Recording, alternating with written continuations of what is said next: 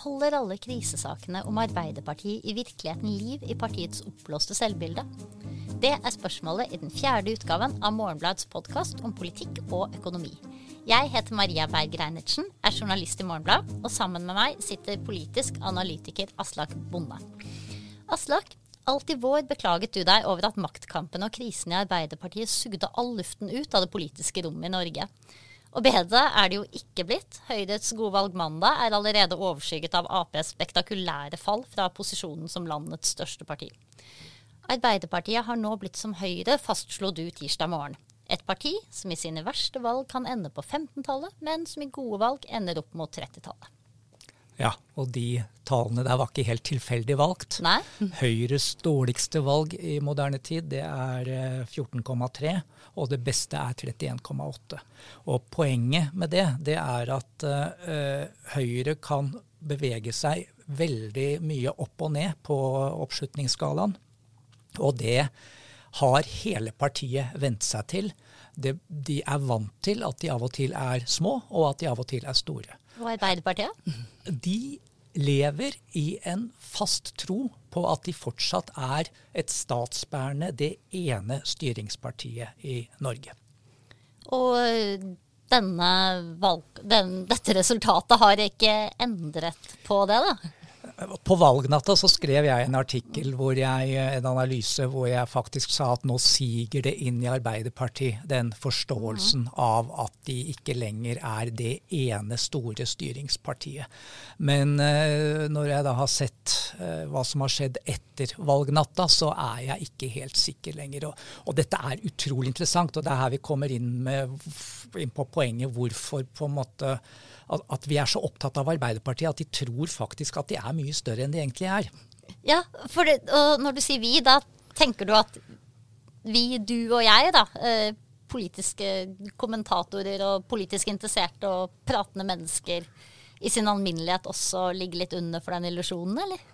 Både vi og de som er innad i Arbeiderpartiet. Mm. Og, og, og, dette har en veldig lang forhistorie. Vi, ja, vi må tilbake til historikeren Jens Sarup Seip. Som er? Som er uh, en meget uh, god historieprofessor som uh, fungerte på 60-, og 50- og 60-tallet, og som var veldig spissformulert. I 1963 60 år siden så holdt han et foredrag i Studentersamfunnet hvor han fortalte om eh, ettpartistaten Norge som på 50-tallet. Og så gikk det noen år, og så kom han med dette begrepet som er blitt stående i, om Arbeiderpartiet hele tiden, ørnen blant partiene. Det han skrev, da, det var at uh, hvis man ser på partiene som fugler, så er det en som er noe helt, en fugl som er noe helt annet enn alle de andre, og det er ørnen blant partiene. Og og det er helt pussig hvordan dette begrepet ørnen blant partiene fortsatt lever blant oss, og det skrives om av veldig mange som definitivt ikke leste den artikkelen for 40 år siden. Ikke? Og, og det her, eh, Vi snakker hele tiden om ørnen har landet, mhm. ørnen er blitt vingestekket osv. Og, og vi er så opptatt av at dette partiet er noe helt spesielt og så er det ikke det lenger. Men for du tenker jo tenker at det er en and nå, eller noe, noe sånt? Litt pjuskete høne så jeg en jeg gikk inn og så på, og jeg googla dette, og det var veldig mye ørn er blitt til våt høne og alt sånt. ikke sant? Altså, eh, Det viktige her, det, det helt sentrale, det er at eh, at eh, de må ta inn over seg Arbeiderpartiet at de har gjort fire valg nå på rad under 30 %-grensen. Og at sannsynligheten for at de kommer tilbake igjen og etablerer seg som et parti over 30 %-grensen, den er faktisk mm. ganske liten. Og hvis de tar det inn over seg, så kommer også selvevalueringen som de nå skal i gang med, til å bli litt annerledes. Det er min påstand, da. Ja, på, på, hvilken måte da? På hvilken måte det, skaper det problemer at man går rundt og tror at man er et større dyr enn man er? Det skaper store problemer i uh, forståelsen hos de tillitsvalgte i Arbeiderpartiet av hva det faktisk koster å være i en regjering med andre. Eh, da Jens Stoltenberg eh, var i den rød-grønne regjeringen, så hadde de jevnt over 30% De to andre koalisjonspartiene de var mye, mye mindre. I denne regjeringen vi nå har, så er Senterpartiet på Stortinget halvparten så stort som Arbeiderpartiet. Arbeiderpartiet er mye mindre. Det betyr at prisen for å være i en koalisjonsregjering, den er mye, mye høyere for et parti som ligger på 20-tallet, enn for et parti som ligger på 30-tallet. Grunnen til at jeg på en måte er opptatt av denne prisen for å være i koalisjon. Det var spesielt da jeg så Porsgrunnsordføreren, den avgående Porsgrunnsordføreren på TV tirsdag kveld, da han klaget over reverseringspolitikken til regjeringen. Hvorfor bruker vi disse pengene på uh, å oppløse fylker og kommuner? Og, og, vi kunne jo brukt dem på noe annet. Han fremfører Høyres argumenter bedre enn Høyre selv. Og han er jo ikke alene. Eh, Arbeiderpartiets storbynettverk, som består av alle ordførerne og byrådslederne i de største kommunene, har ikke mindre enn to ganger skrevet resolusjoner hvor de har tatt avstand fra sin egen regjering.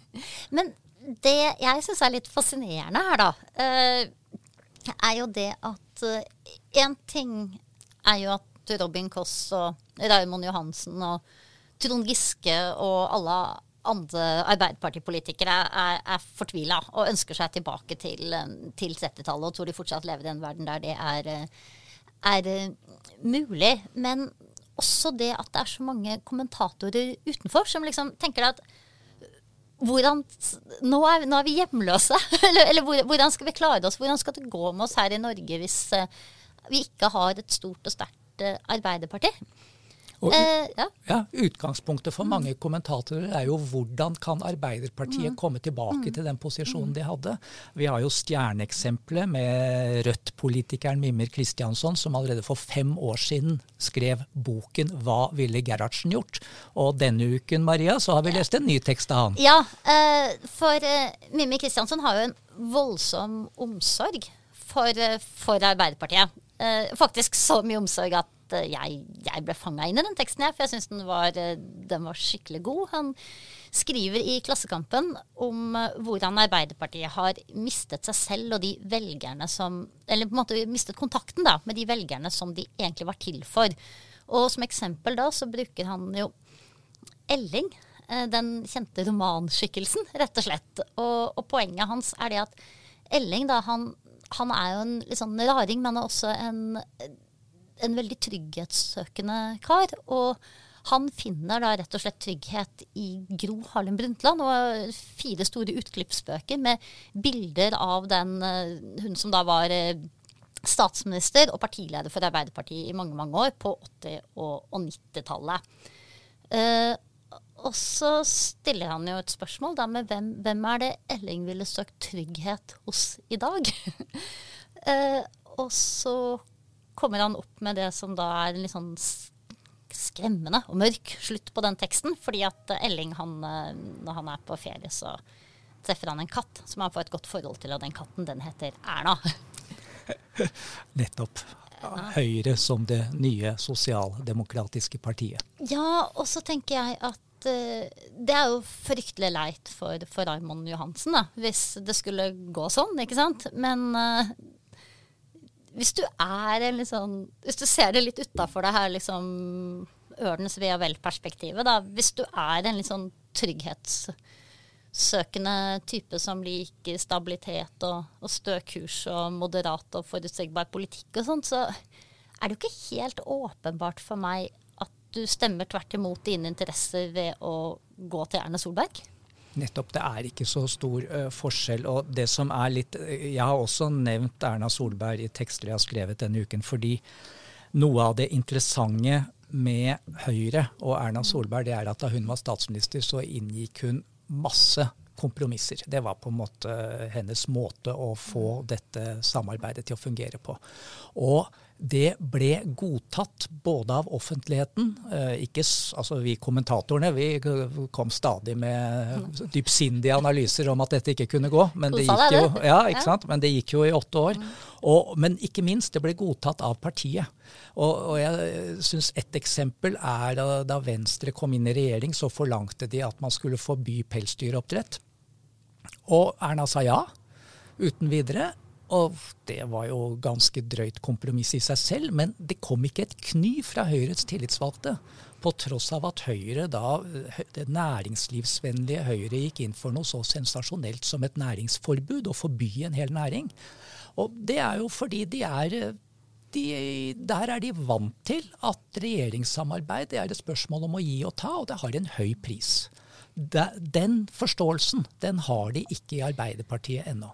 Nei, men tenker du, for jeg tenker jo utenfor Arbeiderpartiet, da, at det er det, dette er tøft for dem, ikke sant? Det, øh, og, og, man kan jo tenke seg at, øh, at, det vil komme en prosess etter hvert, ikke sant? Uh, og hvis en ser litt utenfor Norge, så ser en jo det at, har, at uh, sosialdemokratiske partier de kan jo nesten forsvinne. ikke sant? De kan i hvert fall miste, liksom, komme langt, langt unna styring. Lenge se på Frankrike. Se, ja for, for, eksempel. Eh, og da Men hva med liksom den, den her liksom Hva skal jeg si liksom uh, offentligheten, da. Som vi er så glad i i Norge. ikke sant? Vi har litt sånn oversiktlig. Vi har en høyreside, vi har en venstreside.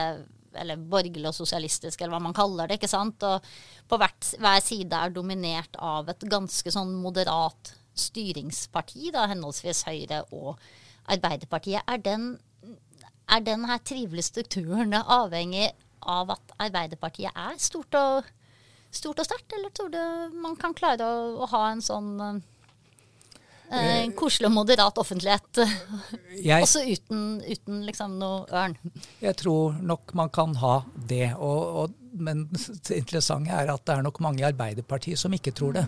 Eh, det kom en bok for noen år siden av Tarjei Skirbekk, idéhistoriker og tidligere Arbeiderparti-rådgiver, om eh, de moderate eh, folkepartiene.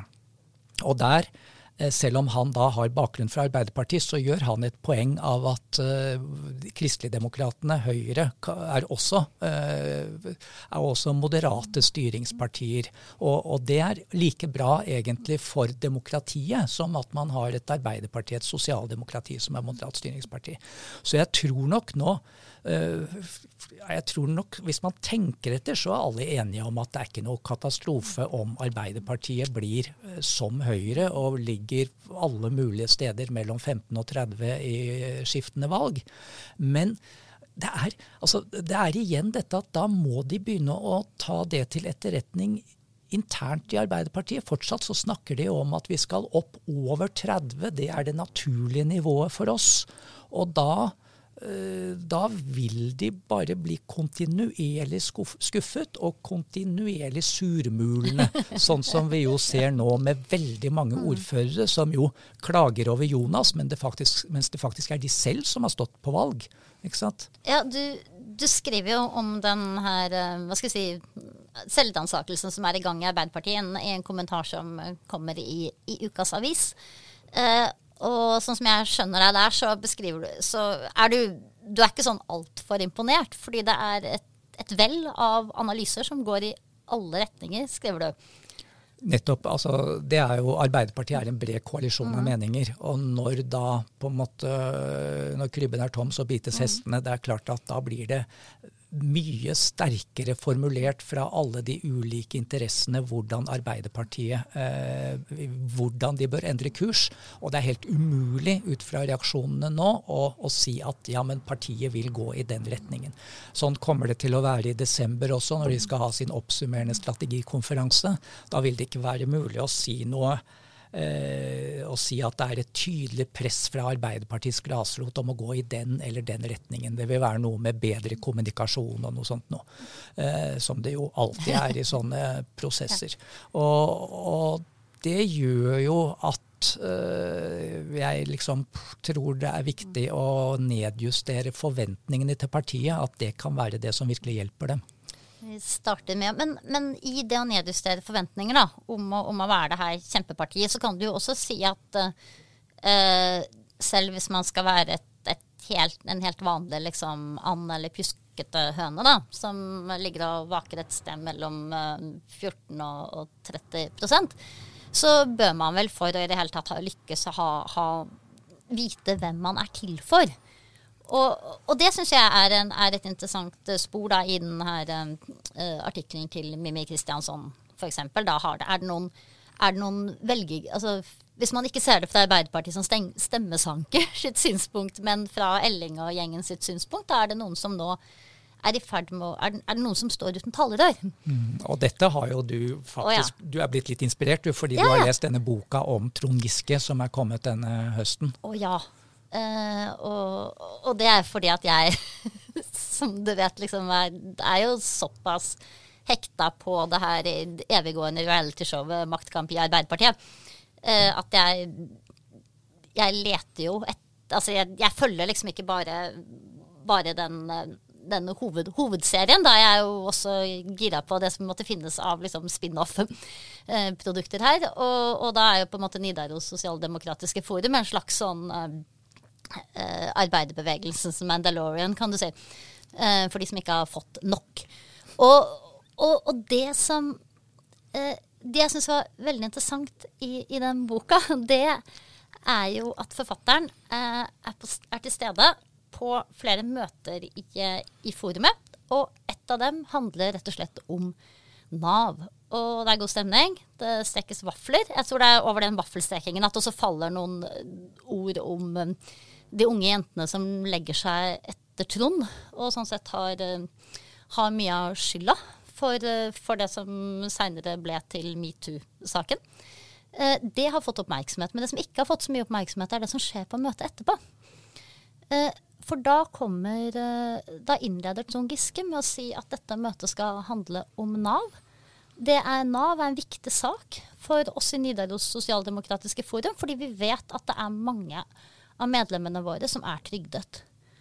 Og så kommer det en dame som holder innledning om, uh, om, sin vei fra Nav-ansatt til uh, Nav-bruker og fanget i Nav-karusellen. Nav og etterpå så reiser den ene etter den andre seg og forteller om, om sine erfaringer med Nav og trygdesystem og arbeidsavklaringspenger og, og, og alt som uh, har vært vondt og vanskelig for, for, dem.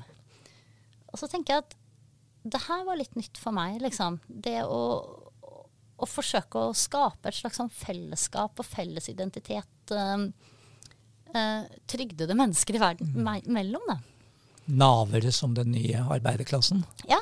Ikke som den nye, men som et supplement til arbeiderklassen. Mm. Som noe som ikke liksom bare er en uh, mangel, da. Det er ikke, det, det er jo liksom, jeg tenker det, det, å være trygdet eller det å altså, De fleste av oss er jo innom Nav noen ganger i løpet av livet, ikke sant.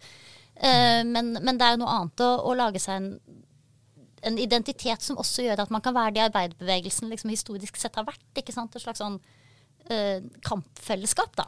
Og, for å forbedre sin egen situasjon. Og dette er jo, jeg synes jo dette er veldig interessant. Trond Giske ble innkalt til debatten tirsdag kveld. Eh, det er litt sånn pussig hvordan eh, debatten bruker ham for å fremme kritikk mot eget parti, for vi har ikke sett mye til ham i valgkampen. Men, eh, men han hadde nå i hvert fall et, et en argumentasjon om at nå må vi glemme liksom alle de motstridende ønskene til partiledelsen akkurat nå. Det, det, er, det spriker i for mange retninger.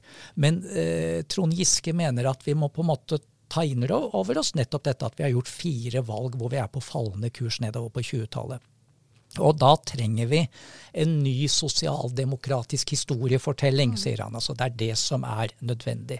Og, og, det interessante nettopp med det du eh, beskriver, da, som, eller som Øystein Lie har beskrevet i denne boken om Trond Giskes eller Nidaros uh, sosialdemokratiske forum, det er jo det at han på en måte prøver å, å lage denne fortellingen for både gammeldags arbeiderklasse og for de som er i det som på moderne kalles utenforskapet. Og, og at det faktisk det, det, er jo noen antydninger der om at det kanskje kan bli en veldig stor gruppe som føler at Arbeiderpartiet er til for dem. Så eh, vi har hatt som et premiss for denne samtalen frem til nå at eh, Arbeiderpartiet vil bli som Høyre. Men, eh, og jeg mener fortsatt at det er det mest realistiske eh, alternativet, og at eh, Trond Giske er preget av nostalgi, men vi kan jo ikke utelukke at han har rett, og at det er mulig å lage denne nye sosialdemokratiske mm. historien. Men uh, i det siste minuttet vi, vi, har igjen nå, uh, tror du nostalgi er, er veien å gå? Altså dette er jo det var et veldig ledende spørsmål. Ja, det er jo. klart at uh, nostalgi er aldri veien å gå. Men, uh, men, i hvilken grad det kan Altså, min analyse frem til nå er jo at det skader dem mer enn det hjelper dem. Men, uh, men altså, Arbeiderpartiet, sosialdemokratene i Sverige, ligger nå på 38% på gjennomsnitt av målingene. Eh, de, eh, I de åtte årene frem til de mistet makten, så lå de stort sett under 30-tallet, litt over 30-tallet.